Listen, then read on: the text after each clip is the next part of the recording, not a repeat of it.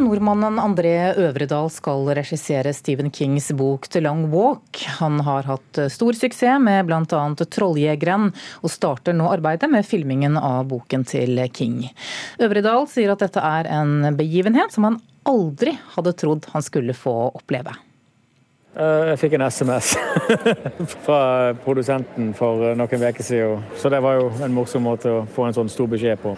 Og i tekstmeldingen regissøren André Øvredal fikk fra produsenten, sto det at han hadde fått jobben med regien på filmatiseringen av Stephen Kings bok The Long Walk fra 1979. Filmen føyer seg inn i rekken av andre filmatiseringer av Kings bøker, som blant annet Frihetens regn, Ondskapens hotell og klovneskrekkfilmen It. Nei, altså det, det å få laga en Stephen King-film og være en del av det biblioteket med fantastiske filmer som er basert på hans bøker, er jo en ære. Det er jo en helt enorm For meg en begivenhet jeg aldri i verden trodde jeg skulle få oppleve. Da går jeg rundt og kniper meg i armen, egentlig. Øvredal har hatt stor suksess de siste årene, med regi på bl.a. Trolljegeren og The Autopsy of Jane Doe. Sistnevnte film fikk ros av Stephen King selv, og nordmannen tror det har hatt en påvirkning på at han ble valgt. Altså, herregud, selvfølgelig. Det er En eller annen påvirkning har det jo et eller annet, på en eller annen plass i systemet. At Stephen King likte den forrige filmen min, er jo et under i seg sjøl. Boka handler om 100 tenåringsgutter som deltar i en konkurranse kalt The Long Walk. Øvredal forteller at han vil fokusere på drama som oppstår mellom rollefigurene i filmen. Nei, altså det vil jo bli en veldig nær og, og rå film på mange måter. Det er jo masse ungdommer som er ute på en gåtur som har ufattelige konsekvenser for dem, som de har frivillig valgt å være med på. Og Det handler veldig mye om de menneskene og hvordan en skal sette den forferdelige situasjonen rundt dem opp imot de menneskene vi blir kjent med. Det er jo et drama, men et forferdelig drama på en måte. Det vil jo veldig mye handle om samspillet mellom de ungdommene og den trusselen de hele tida går med, og den dødsangsten de bygger på seg i løpet av gåturen. Og Øvredal tror dette kan åpne enda flere dører til flere oppdrag i fremtiden. Det åpner jo alltid opp dører, men de dørene er for så vidt har vært åpne veldig lenge. Det er bare snakk om å finne rette prosjekt, de rette prosjektene til rett tidspunkt. Og reporter her, det var Petter Pettersen. Etter å ha vært stengt for publikum i flere tiår, så vil det i sommer for første gang på lenge være mulig å besøke Knut Hamsuns dikterstue på Nørholm i Grimstad. I august så blir det guidede turer i regi av Grimstad bys museer. I sommer låses dørene i Knut Hamsuns dikterstue opp. Eh, I sommer så åpnes dikterstua eh, i august, åtte dager. Eh, med to visninger per dag. Sier Unni Hølland Rustad. Og du er nødt til å bestille billett for å få plass. Forhåpentligvis så blir det jo fullt på hver eneste visning, så det lønner seg å være ut i god tid. Hølland Rustad er gift med Knut Hamsuns oldebarn Ole Andreas Hamsun Rustad. Paret bor med barna sine på Nørholm, eiendommen forfatter Knut Hamsun kjøpte i 1918. Herregården og dikterstua har i flere tiår vært stengt for publikum, men nå ønsker familien å åpne dikterstua, der Knut Hamsun satt og skrev de siste 25 årene av sitt forfatterskap. Jeg har jo hatt en del forespørsler i de seks åra vi har bodd her. Og så har vi tenkt liksom at, eh, at, vi må prøve og se om det er interesse der ute, og om det lar seg kombinere. Sier Hølland Rustad. Han er jo en av de største forfatterne som har hatt i, i Norge opp igjennom, så jeg har full forståelse for at folk har lyst til å se det. Og det er mange som syns at det er veldig magisk å bare være være her. Kjenne på atmosfæren. For oss er jo dette stort. Veldig stort. Jeg vil si nesten historisk. Sier Anita Estensen, daglig leder i Grimstad bys museer. Grimstad har jo ikke noe Hamsun-museum. Så for Grimstad bys museer så formidler vi Hamsun alle andre steder enn der han har bodd. Fordi vi ikke har eh, et uh, museum. Og med å få lov til å åpne dikterstua og formidle Hamsuns uh, liv i dikterstua, det gjør jo en helt annen dimensjon. Det gir en helt annen dimensjon for uh, formidlinga. Det er Grimstad bys museet som skal ta seg av publikum og formidlinga i dikterstua. Rent praktisk så er det at de møter opp i byen. De blir bussa ut til Nørholm og blir tatt med opp her Eh, forbi gården og opp til dikterstua. Og så vil det være et program på kanskje en 40 minutter her, før vi da reiser tilbake igjen til Grimstad. De siste åra har dikterstua gjennomgått omfattende rehabilitering, og de over 6000 bøkene som fylte bokhyllene, er for tida lagra trygt i påvente av restaurering. Men selv om bokhyllene er tomme, tror Anita Estensen det vil bli en spesiell opplevelse for mange å komme inn i den vesle husmannsstua hvor Knut Hamsun satt og skrev. Hvordan var det for han å sitte her og skrive? Fikk han inspirasjon, eller var det bare forstyrrelser? Vi har jo noen eh, vitnebeskrivelser fra sønnene, da, hvordan dette her var. Hvor de prøvde å snike seg inn til far. Men, eh, så, så det er liksom ja, alt det som, som, dreier seg om diktningen i forhold til eh, den tida han var på Nørholm. Og bare sånn at du vet det, Åpningen gjelder altså bare dikterstuen og ikke selve herregården på Nørholm. Reporter her, det var Miriam Grov.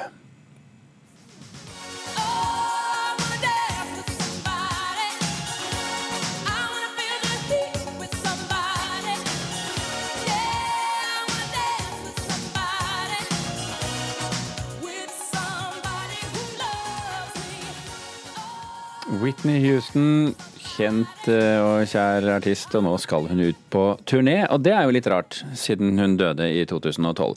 Så kulturreporter Ingunn Mikkelsen, hvordan går dette for seg?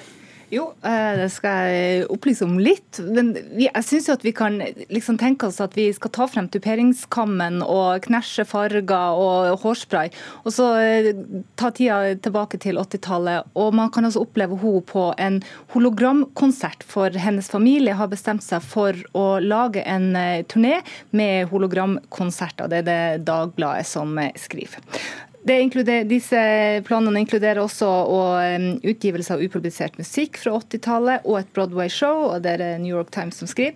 Og Familien mener at skandalene rundt hennes død og den tida før har tatt fokuset bort ifra den kunsten som, eh, som hun leverte før disse skandalene. Men hologramkonsert, forklar, hva er det for noe? Altså, det er et bilde som vises, eh, gjennom, eh, vises tredimensjonalt, slik at av den avdøde artisten kan oppleves da levende på, på scenen kan så har du duetter med andre. Og, eh, på den planlagte turneen så man, eh, kan man få oppleve I Wanna Dance With Somebody og The Greatest Love of All. Også hennes originale team av sangere og band skal få være med.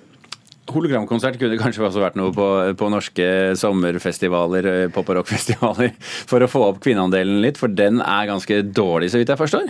Ja, den er altså på 21% av artistene som er på festivalscenen i sommer, er damer. Og kun 3% av bandene er kvinnelige band. Eh, det viser altså tall som Dagens Næringsliv har eh, kommet frem til. Avisa har gått gjennom artister og band fra de åtte største festivalene. Ja, dette har vi jo snakket om i Kulturnytt i hvor lenge som helst, tror jeg. Men ingenting skjer, med andre ord. Nei, så hologram. Hologram er løsningen også for dem, tenker jeg.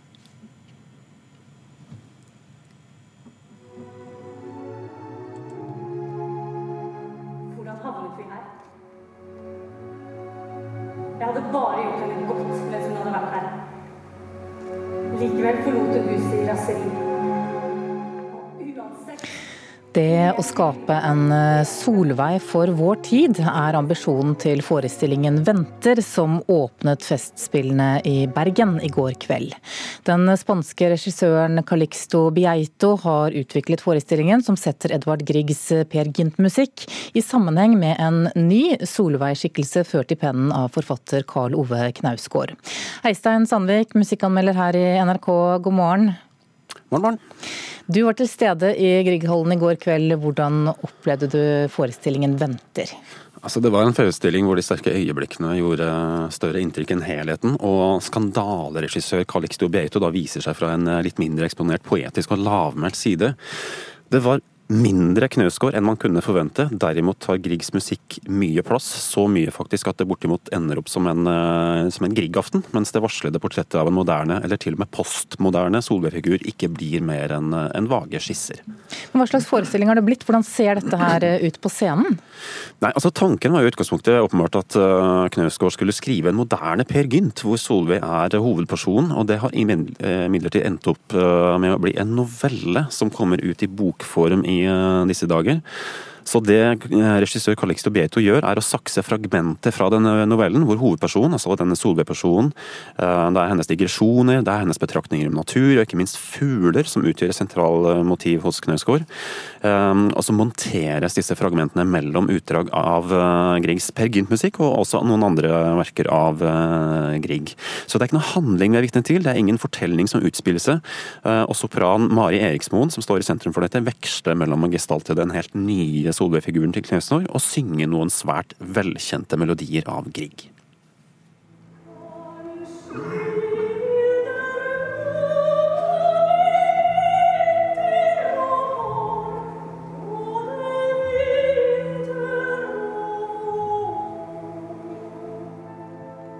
Dette er altså sopran Mari Eriksmoen, som eh, du sa gestalter både Griegs Solveig og den nye Solveig skapt av Knausgård. Hvordan klarer hun seg i denne forestillingen, Øystein Sandvik?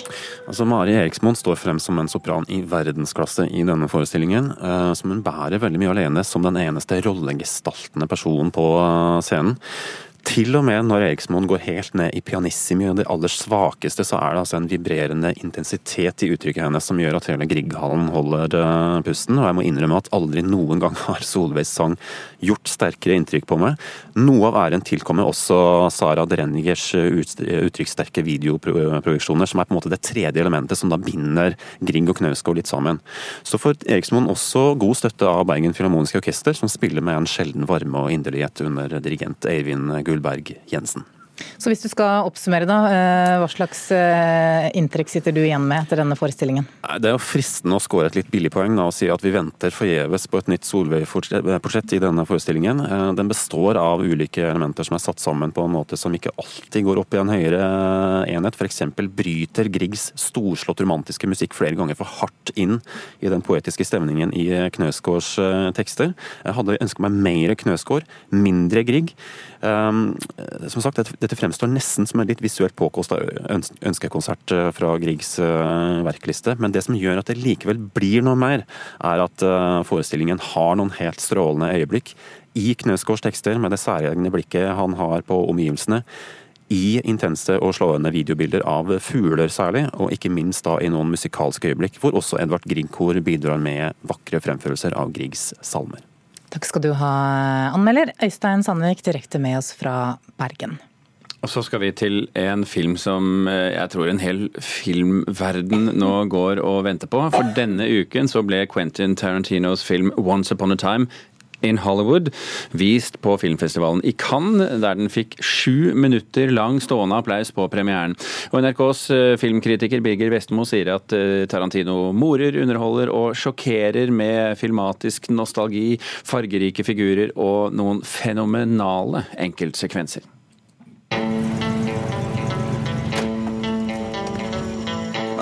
Dalton. It's my pleasure, Mr. Schwartz. Call me Marvin. Put it there.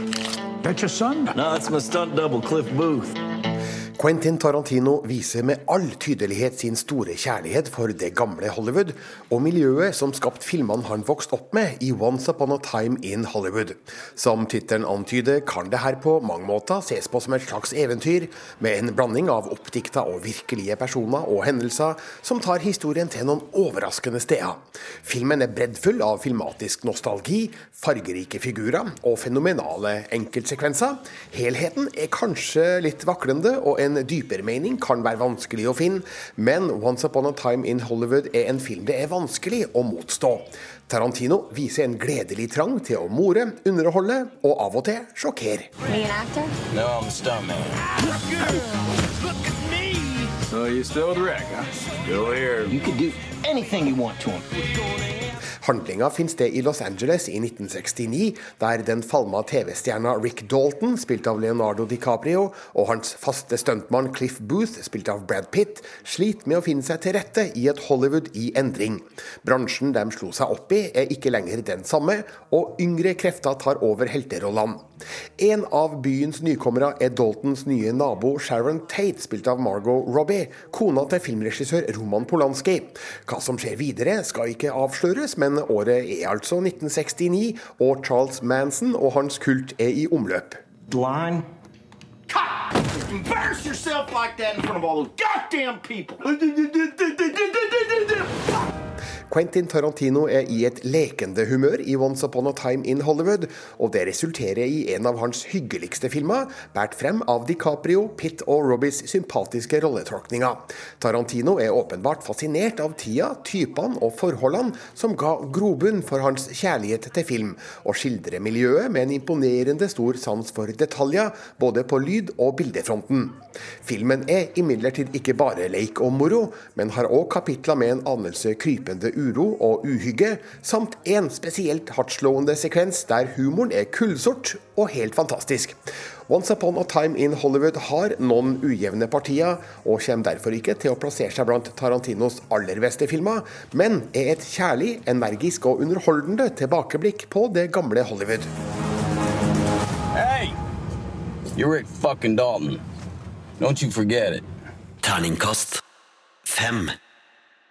Ja, denne filmen eh, hadde altså premiere, verdenspremiere under filmfestivalen i Cannes, og har ikke premiere her i Norge før 16.8. I mellomtiden så kan du jo kose deg med traileren som ligger ute på, på um, YouTube, hvis du vil det. Filmen ble anmeldt av Birger Vestmo.